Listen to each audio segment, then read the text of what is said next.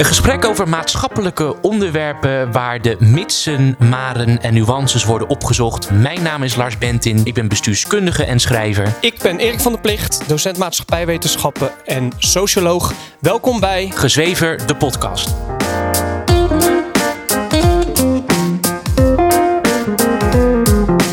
Terwijl dus niet de nadruk wordt gelegd, of in ieder geval niet wordt gezegd, dat het ook kan liggen aan de mensen zelf. Ja. Terwijl ik dan vaak denk, ja, maar dus er, er moet een nuance zijn, er moet een balans zijn tussen wat je zelf doet als persoon, en wat je jezelf aandoet in dat opzicht, en wat je werkomgeving doet. En ik vind toch vaak dat er te veel nadruk wordt gelegd op de werkgever en het werk zelf, Ja. dan om aan wat wij kunnen doen en wat wij onszelf aandoen in, Ja. deze, in, in deze tijd van overprikkeling en, en Ja. weet ik veel wat nog meer.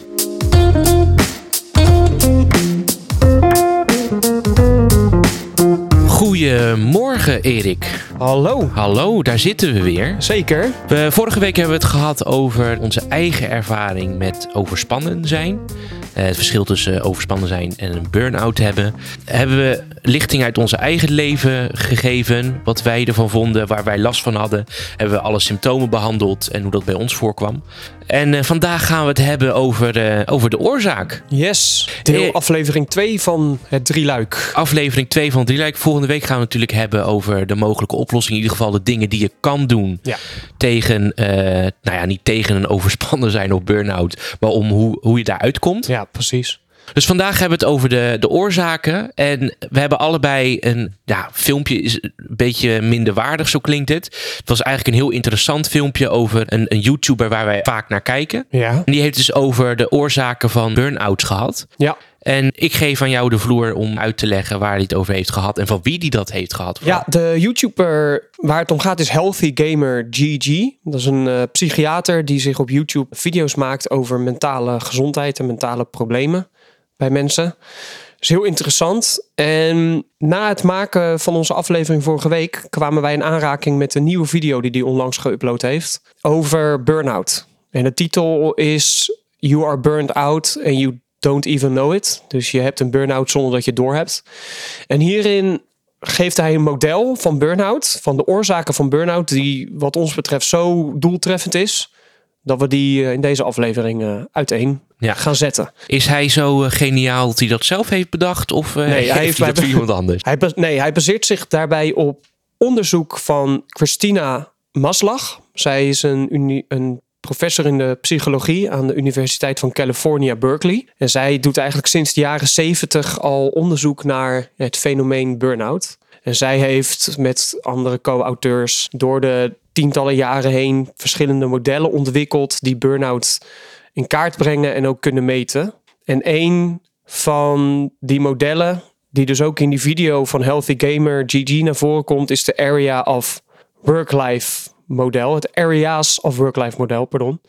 En daarin worden zes gebieden onderscheiden waarin burn-out kunnen ontstaan. En belangrijk daarbij is, is dat bij ieder gebied er een werkplekcomponent is. Dus er zijn bij ieder gebied is, ligt er een verantwoordelijkheid en een oorzaak bij de werkplek, bij je werkgever of bij de organisatie waar je voor werkt. Maar er is ook een component wat bij de persoon die de burn-out heeft zelf ligt. Ja, dus om het een beetje visu- te visualiseren. Er zijn zes componenten van, eh, van het model. Ja. En die kun je eigenlijk spitsen in twee aspecten. Namelijk het onderdeel van, van je werk, Ja. de omgeving van je werk, Ja. de werkgever. En aan de andere kant dus wat je er zelf aan kan doen en wat er uit jezelf komt. Juist, inderdaad. En wat belangrijk is in dit model en in die theorie van Maslach, is dat burn-out ontstaat in interactie met de omgeving.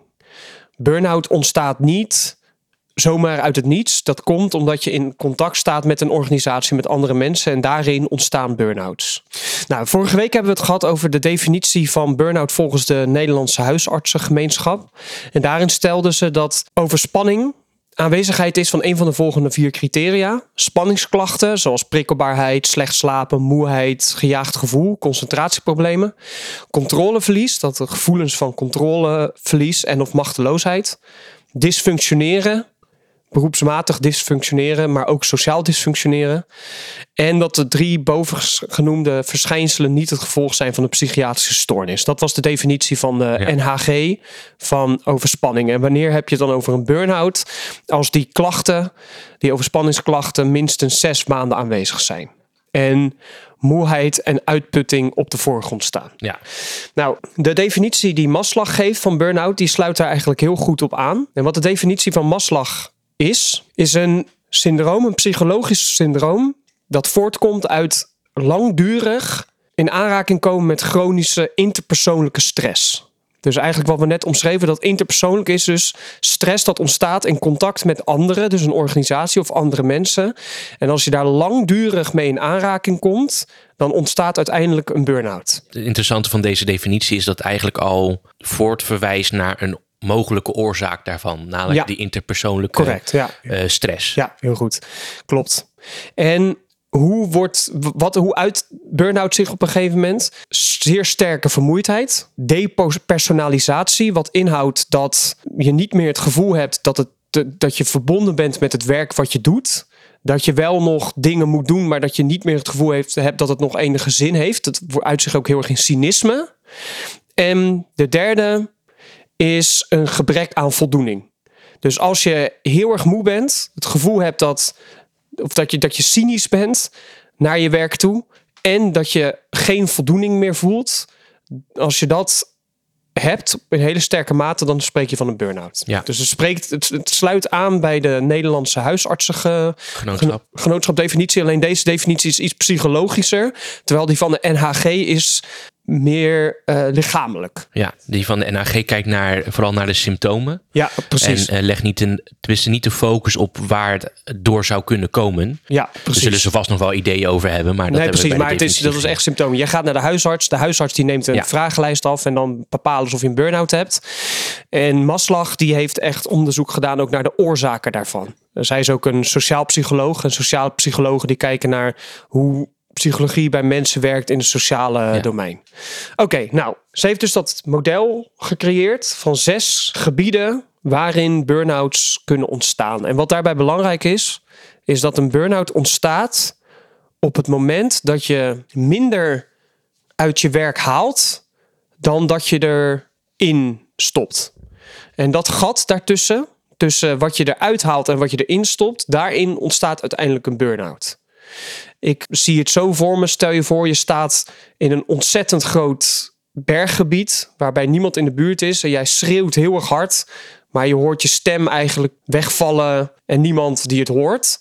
Als je dat lang genoeg volhoudt, dan is je stem op een gegeven moment gewoon helemaal op. Want Ja. je, je, je schreeuwt heel hard, maar je krijgt er niks voor terug. Ja, Dat is hoe ik een burn-out ook zie. Dus dat gat tussen wat je erin stopt en wat je eruit krijgt, is heel groot. En op een gegeven moment brandt dat op. dus geen wederkerigheid. eh, Nee, er is geen, inderdaad, geen wederkerigheid in wat je erin stopt en eruit haalt. Oké, nou laten we maar beginnen. Ben je er klaar voor? Voor de eerste? Of Ik ga er even vragen? voor zitten. Hartstikke goed. Oké, de eerste. Werkdruk. Werkdruk houdt in hoeveel taken en dergelijke je moet vervullen op je werk.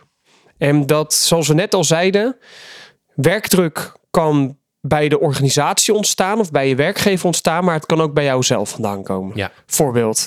Het kan zijn dat je bij een werkplek werkt waar gewoon simpelweg te veel werk is, waar te veel moet gebeuren, waar je niet genoeg tijd krijgt om het in die tijd te doen. Dus jij moet 100 taken vervullen. Je krijgt maar 40 uur per week. En na 40 uur heb je 60 taken vervuld. Er zijn er nog 40 over en dat bouwt zich alleen maar op. Ja, Dat zou zo kunnen zijn. ja, Het kan echter ook zo zijn dat jij degene bent die werkdruk creëert. Door heel veel taken naar je toe te trekken, door op alles wat je gevraagd wordt ja te zeggen, enzovoorts. En wat me hierbij ook gelijk, en dat is ook kenmerkend aan dit model, het is dus niet zo dat de oorzaak van burn-out 100% bij de werkgever ligt of 100% bij jou. Het gaat om die, om die interactie tussen die twee die burn-out creëert. ja, en dat vind ik, aspect vind ik dus heel erg interessant.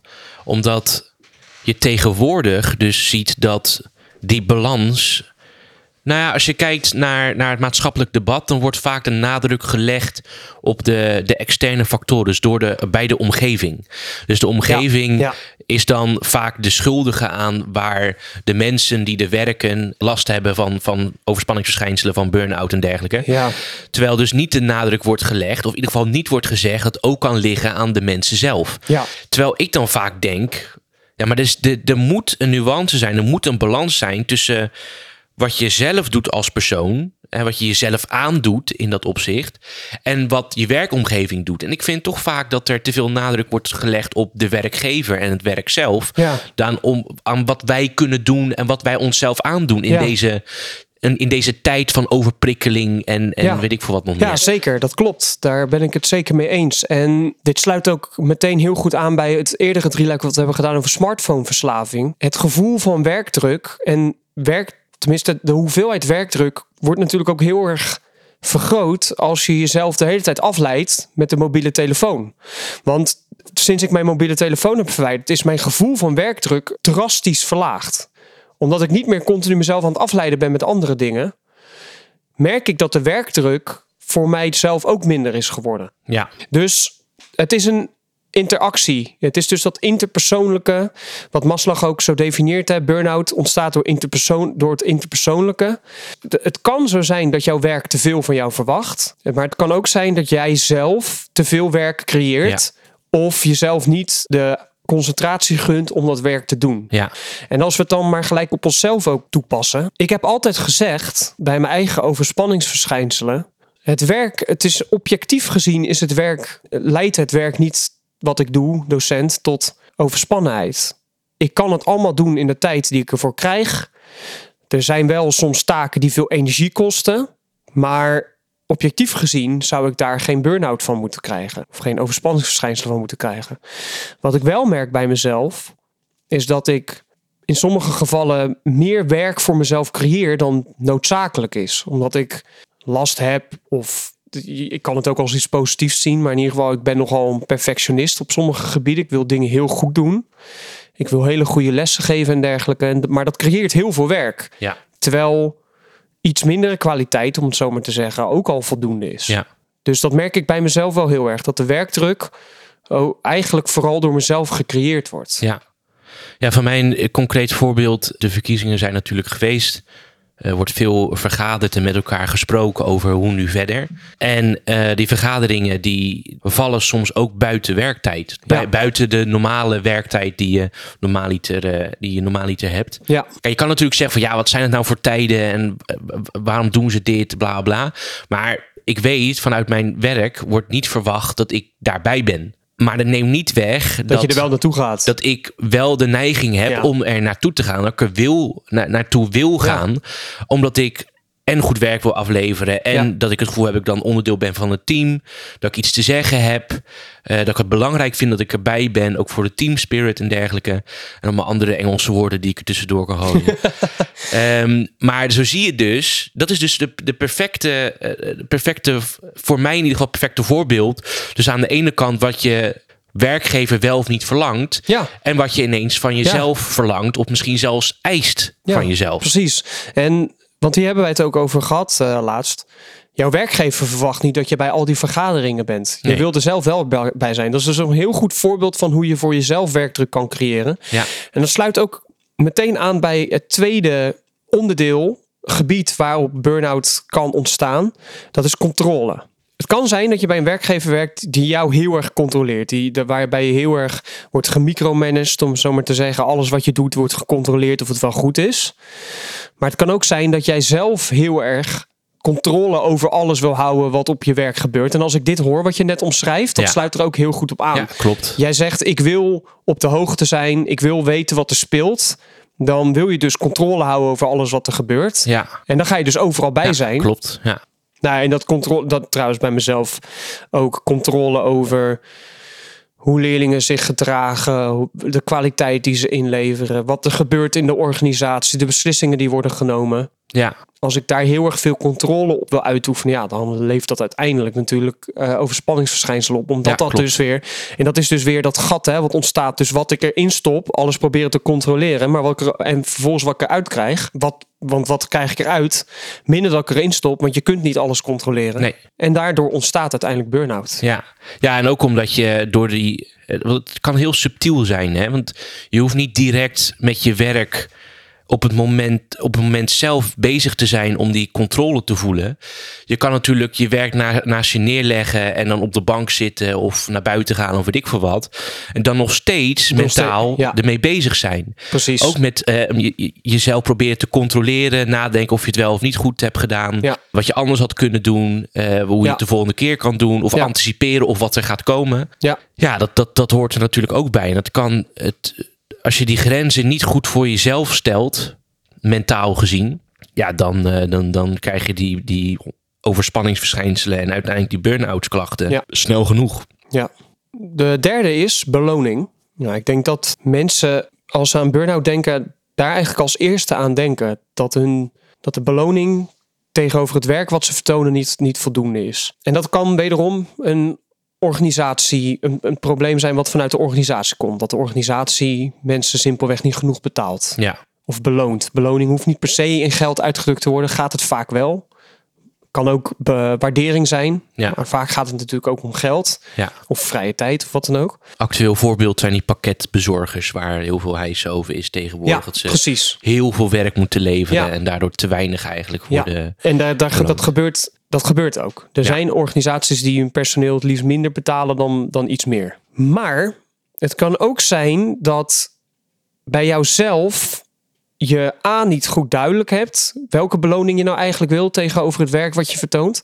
Of B, dat je onredelijk veel beloning verlangt voor hetgeen wat je Ja. doet. Ja, En, dat, en dat, dat, dat sluit ook trouwens, denk ik, als ik dat nu zo denk, ook meteen aan bij controle en werkdruk. Als jij heel veel werk naar je toe trekt en alles wil controleren, ben je ontzettend veel aan het werk. Ja. En bezig met je werk.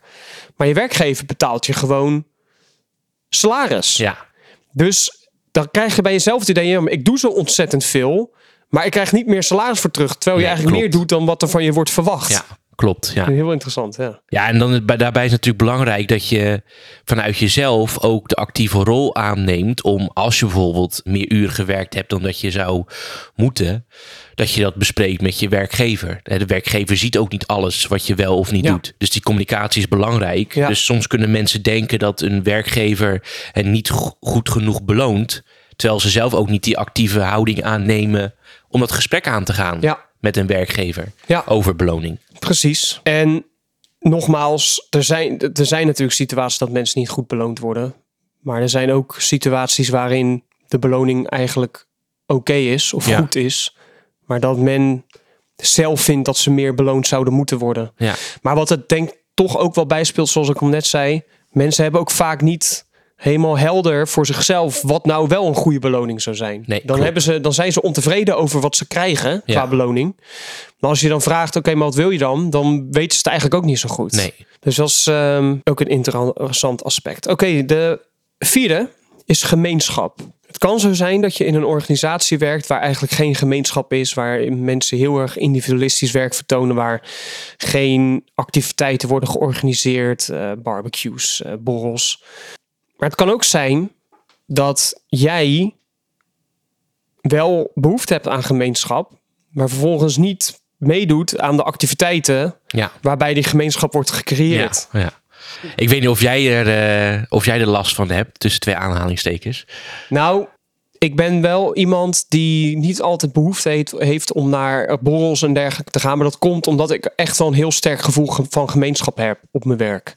Eh, omdat ik vaak mijn collega's zie, vaak mijn leerlingen zie. Ik, ik, ik zie ze gewoon heel vaak. Ja, Dus zo'n borrel is op een gegeven moment voor mij is het ook wel leuk geweest aan het eind van de werkdag. ja, Maar ik kan me wel voorstellen als je een ander soort werk doet, als je bijvoorbeeld veel vanuit huis werkt of veel individualistisch werk doet, ja, en daarbij dus eigenlijk naar je werk gaat, met niemand echt contact hebt en weer weggaat, dat je dan op een gegeven moment heel erg alleen gaat voelen op je werk. ja. Dat je dan behoefte hebt aan gemeenschap. Maar als jij dan aan het eind van de werkdag vervolgens niet die gemeenschap gaat opzoeken onder het mom van ja, dan moet ik met mensen praten die ik niet ken. of ehm, ik weet niet wat ik dan moet zeggen, enzovoort, enzovoort. Ja, dan creëer je natuurlijk zelf die gemeenschap ook niet. Nee. Het, het punt aan gemeenschap is dat gemeenschap alleen kan bestaan als, als je er zelf ook aan meewerkt. Ja, de, centra de kern, zeg maar, wat we tot nu toe behandeld hebben, blijft wel, of blijkt steeds meer verwachting bij jezelf en verwachting van je werkgever te zijn. Die balans, Ja, eh, die balans daartussen. ja. En je kunt natuurlijk altijd met je werkgever in gesprek gaan als zaken niet goed gaan zoals eh, ze gaan. En er zullen echt wel werkgevers zijn die daarin heel erg onredelijk zijn. Ja, En als je erachter komt, als we al deze zes gebieden hebben af, af zijn afgegaan, als je erachter komt dat je werkgever echt onredelijk is, dan moet je weg. ja, Maar er zullen ook heel veel situaties zijn waar de werkgever niet onredelijk is, maar waarbij jij zelf niet goed duidelijk hebt voor jezelf van misschien laat ik over mijn grenzen heen gaan, Ja. omdat je duidelijk communiceert. ja, En wat ook die Healthy Gamer GG zei in zijn YouTube-video, dat je bij mensen waarbij het probleem van burn-out vooral bij zichzelf vandaan komt, die kun je wel van werkgever wisselen of een andere baan geven, maar de problemen komen uiteindelijk toch Ja. weer terug, omdat zij zelf degene zijn die werk naar zich toe trekken en controle willen houden. ja. Ja, en nog een laatste opmerking over die gemeenschap. Wat daarbij ook weer speelt, is moderne communicatietechnieken, dat technologie, dat mensen heel erg het gevoel hebben dat ze deel uitmaken van een gemeenschap omdat ze in een WhatsApp-groep zitten. ja. Maar eigenlijk dus wel echt gemeenschap, direct contact met elkaar missen. Dat zag je ook tijdens de coronacrisis met mensen die bij een bedrijf begonnen eh, te werken. In, in coronatijd. Niemand hebben gezien. ja, ja. Thuis moesten werken. Ja. En wat ik zou het maar noemen dat het wat schattig vaak was, was dat bedrijven dan Zoom-parties of Ja. iets dergelijks gingen organiseren. Om die gemeenschap te houden. Ja. Om die gemeenschap te houden. En dat is natuurlijk heel goed dat bedrijven dat doen. Maar iedereen merkte ook dat het te veel energie kostte Ja. voor hetgene wat ja, je ja, ja, ervoor ja, maar dat is een goede. Bedrijven doen dat met goede bedoelingen. Dus ook bedrijven Ja. zijn die het uiteindelijk met slechte, kwade bedoelingen doen, maar met goede bedoelingen. Maar dit is dus dat, dat goed voorbeeld van dat gat tussen wat, er, wat je erin stopt en wat je eruit krijgt. Want je zit twee uur bij zo'n Zoom-vergadering of Zoom-feestje. Ja, Je haalt er niets uit. nee, klopt. Maar gemeenschap, heel belangrijk. En dat is ook trouwens de reden dat ik iedere dag weer met heel veel plezier naar mijn werk ga. Gemeenschap. Ja. Als ik mijn collega's niet zou hebben, of als ik alleen maar stomme collega's zou hebben, of alleen maar stomme klassen, stomme leerlingen, dan zou ik. Dan, zou, dan had ik het nooit ge- zo lang volgehouden. Ja, hetzelfde. Ja, Ja, dat klopt. Dat is Ja. echt heel belangrijk. De vijfde, eerlijkheid.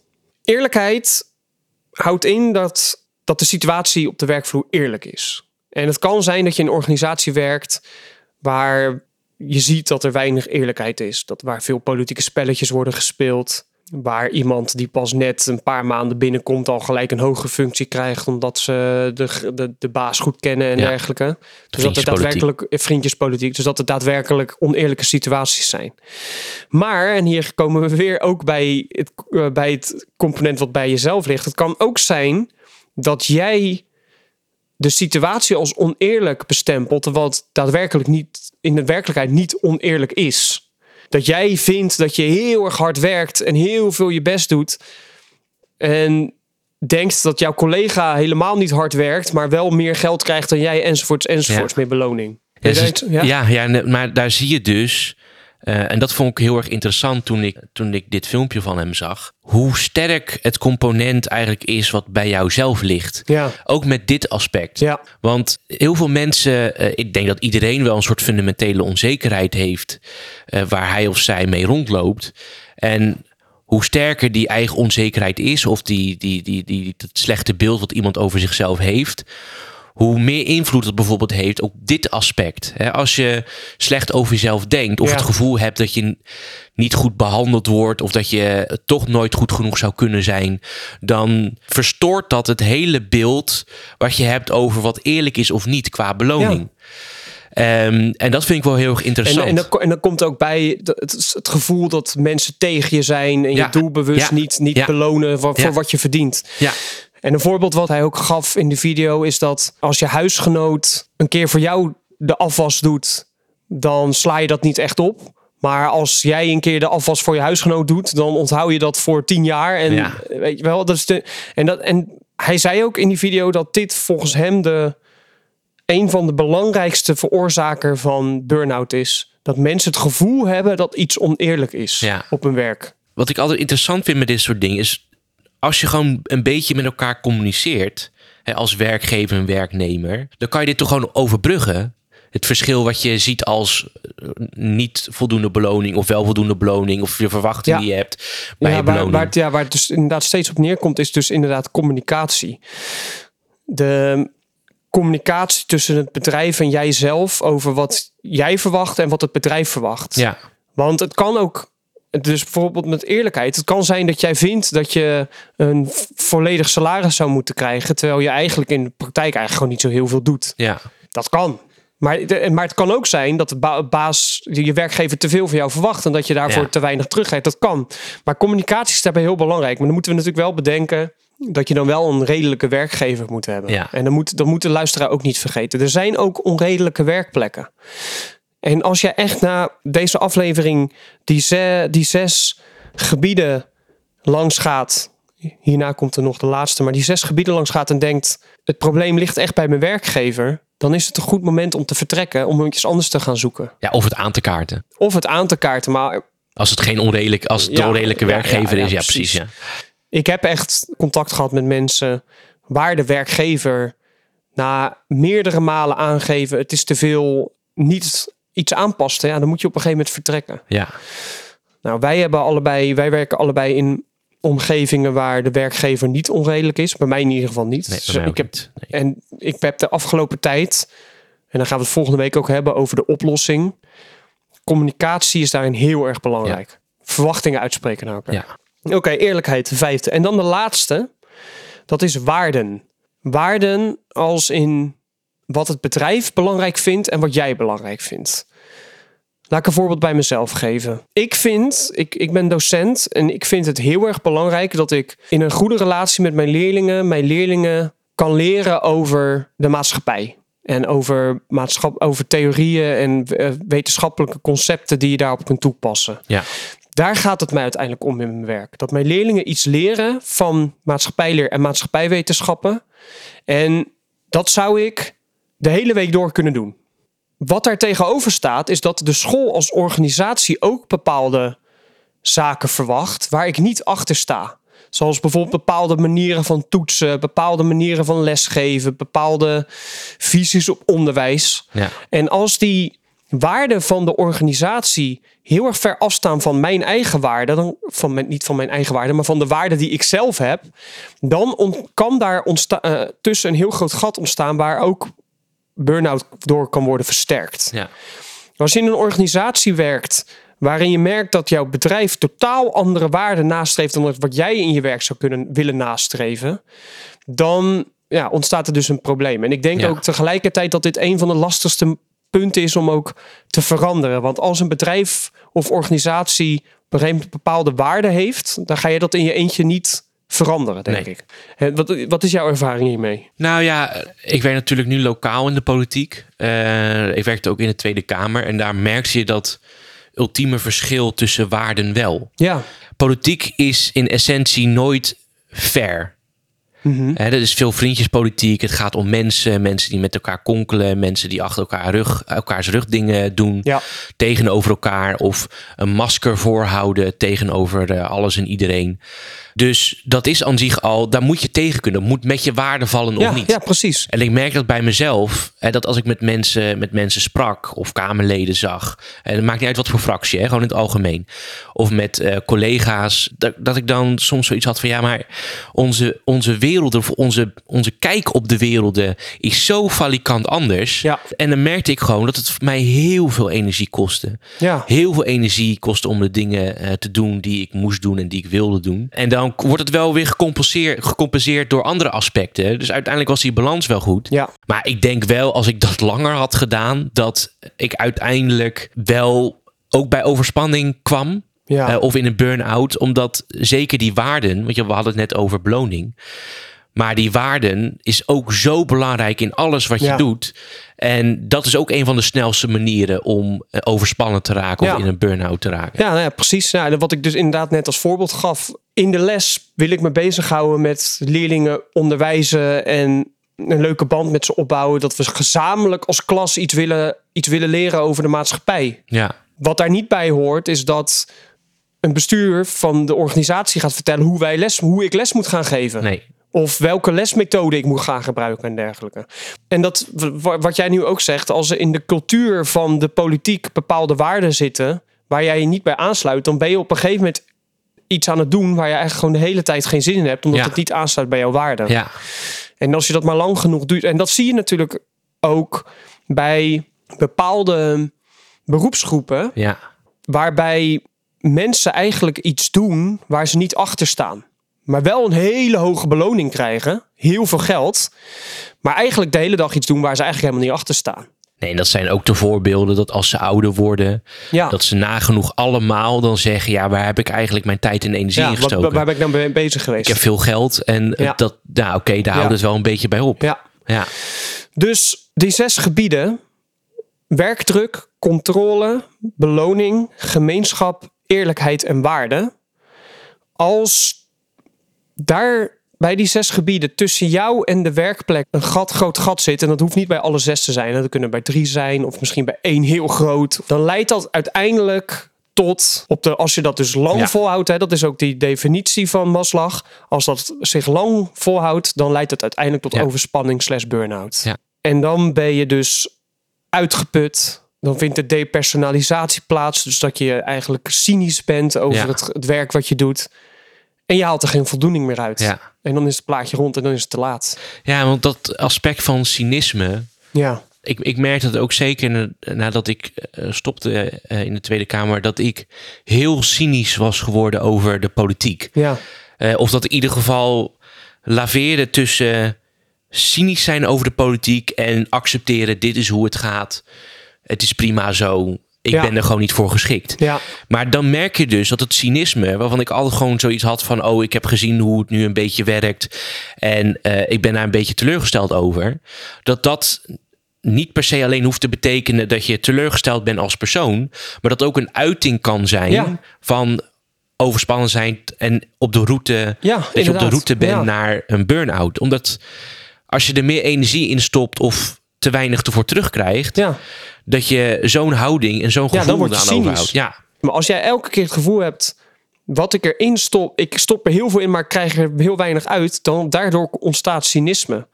En dat ver- versterkt, gaat dan vervolgens ook weer elkaar natuurlijk versterken. ja, En dat zie ik ook bij mensen in het onderwijs die een burn-out hebben uiteindelijk. Heel erg cynisch. ja, Over het onderwijs, over de leerlingen, over het werk wat ze moeten doen. En wat daarbij dus belangrijk is bij die zes aspecten, bij die zes gebieden, is dat er dus een, een deel ligt bij de werkgever, bij je werk, maar ook een deel bij jou. En dat, en daar gaan we het volgende week over hebben als we het over de oplossing gaan hebben, of wat, je- wat je hier zelf mee kunt doen. Dat het heel belangrijk is dat je bij jezelf nagaat, wat, wat ligt bij mij en wat ligt bij de werkgever. ja. Ja, ik denk dat dit model inderdaad heel eigenlijk. Ja, nou goed, zoals we net al zeiden, er is tientallen jaren onderzoek naar gedaan. En dat, en dat merk je ook. Dit is een goed omvattend model, wat burn-out, wat mij betreft, goed in kaart brengt. Omdat toen ik dus die video zag, ik ook zoveel herkende in wat er werd gezegd, dat ik dacht, ja, dit, dit is het. ja. En dat is ook voor onze luisteraars dus heel goed. Want ik heb reacties gekregen hè, van mensen. Ik heb reacties ontvangen over mensen die zeggen... eh goede aflevering. Ik denk echt dat het een onderlicht probleem, onderbelicht probleem is. Ik denk dat veel mensen last hebben van dit soort klachten... maar zich er niet bewust van zijn... of niet Ja. eerlijk zijn tegenover zichzelf... Ja. dat ze die klachten hebben ja.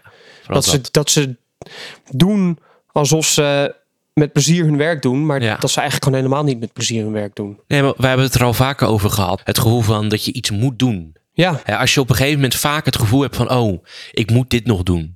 Als het gaat om je werk en wat eigenlijk een groot deel van je leven is. Ik bedoel, laten we wel zijn. Het is gewoon acht uur... eh, laten, na acht, ja, het is ongeveer acht uur van je, van je dag. ja, eh, voor een groot deel van je leven. Dus bijna een derde van je, van je leven. ja, Als je dan heel vaak het gevoel hebt van... oh, ik moet, ik moet dit nog doen. ja, ja, weet je, dan, dan, dan, dan, ga je, dan, dan loop je richting een muur op Ja. uiteindelijk. inderdaad. Ja. Dus, Klopt. dit, eh, dus ik, er, ik erken wat jij zegt, want dat vind ik zelf ook. Het model is heel overzichtelijk. Het geeft ook duidelijk handvatten wat je eraan kan doen. Daar gaan we natuurlijk volgende keer over hebben. En juist omdat het herkenbaar is, hoop ik ook dat luisteraars, als ze dit horen, kritisch eh, tegenover zichzelf zijn en reflectief zijn over wat zij wel Ja. of niet doen. Ja. Of wat voor aandeel zij hebben in Ja. het probleem zelf. Inderdaad, want uiteindelijk kun jij jezelf veranderen. Ja, En in de realiteit is het vaak dat een organisatie veranderen of een cultuur in een organisatie veranderen is heel moeilijk. ja, En het kan zijn dat je de cultuur niet kunt veranderen, maar dat je wel dus bijvoorbeeld genoeg vrijheid krijgt in je werk om toch je eigen werk te blijven doen op jouw eigen manier. Ja, en het belangrijke is denk ik ook, tenminste als ik het op mezelf betrek. Ik ben in, in, in het verleden ben ik eh, best vaak van, van werkgever eh, Veranderd. gewisseld, veranderd. Verander, ja. En wat dit gewoon heel goed laat zien, is dat het niet altijd aan de werkgever ligt, Nee. maar dat het ook aan jou zelf kan Ja. liggen. En dat, dat is heel erg fijn om te weten. Het is een beetje hetzelfde als je hebt zelf problemen, dus je denkt ik ga naar het buitenland om mezelf te zoeken. Ja, en dan nee, komt ja, nee. ja, dan ga je naar het buitenland, kom je jezelf weer tegen. Dus het, het gaat niet vaak om, om, om. Soms helpt het om te wisselen van omgeving, ja, maar vaak genoeg, laten we zo zeggen, vaak genoeg. ja. Kan het ook aan jezelf liggen en moet je zelf reflectief Ja. zijn wat je er zelf aan kan doen. Want heel je leven lang ronddwalen zonder dat je echt kritisch naar jezelf kijkt, wat je zelf kan doen, dat is gewoon zonde. Ja, en belangrijk daarbij is ook dat we het niet over schuld hebben. Nee. Het is niet schuld, Nee, want de ene werkplek werkt beter dan de andere werkplek. Ik Ja. heb op werkplekken gewerkt waar ik nu achteraf van weet, daar ga ik in zo'n organisatie ga ik niet meer werken. Maar dat is niet Klopt. per se omdat die organisatie slecht is Nee. en dat, dat, dat zij de schuld zijn. Maar het is dat ik daar ook niet bij pas. Ja. En dat, dat, dat evenwicht tussen wat kan ik doen en wat kan iemand anders doen, wat, wat kunnen anderen doen, daar moet je goed over nadenken. Ja. En dat komt ook door ervaring. En dat is dus vaak, daarom is het ook vaak mensen die op een gegeven moment echt overspannen zijn geweest of echt een burn-out hebben gehad, die gaan dan uiteindelijk nadenken over zichzelf. Ja. Nou, genoeg voorbeelden, maar we kunnen nog wel een uur doorpraten. Ja, en dan gaan onze luisteraars niet aandoen. Nee. Op onze website, gezweverdepodcast.nl, zullen wij in de beschrijving van deze aflevering ook de bronnen zetten waar wij onze aflevering op hebben gebaseerd. Ja. En ook meer informatie over Maslach en dat model wat zij heeft gecreëerd. En de YouTube-aflevering. En de YouTube-aflevering zullen wij inderdaad er ook bij plaatsen. Dat is echt- echt een aanrader. Überhaupt zijn kanaal is echt een aanrader. Het is echt, eh, echt top. Volgende week gaan we het hebben over de oplossing. Wat kun jij zelf doen aan burn-out, problemen, overspanningsverschijnselen? Ja. Maar dat is voor volgende week. Yes. Nou, dat was weer een leuke aflevering. Ja, interessant. Zeker. Tot volgende week. Jojo. Doei.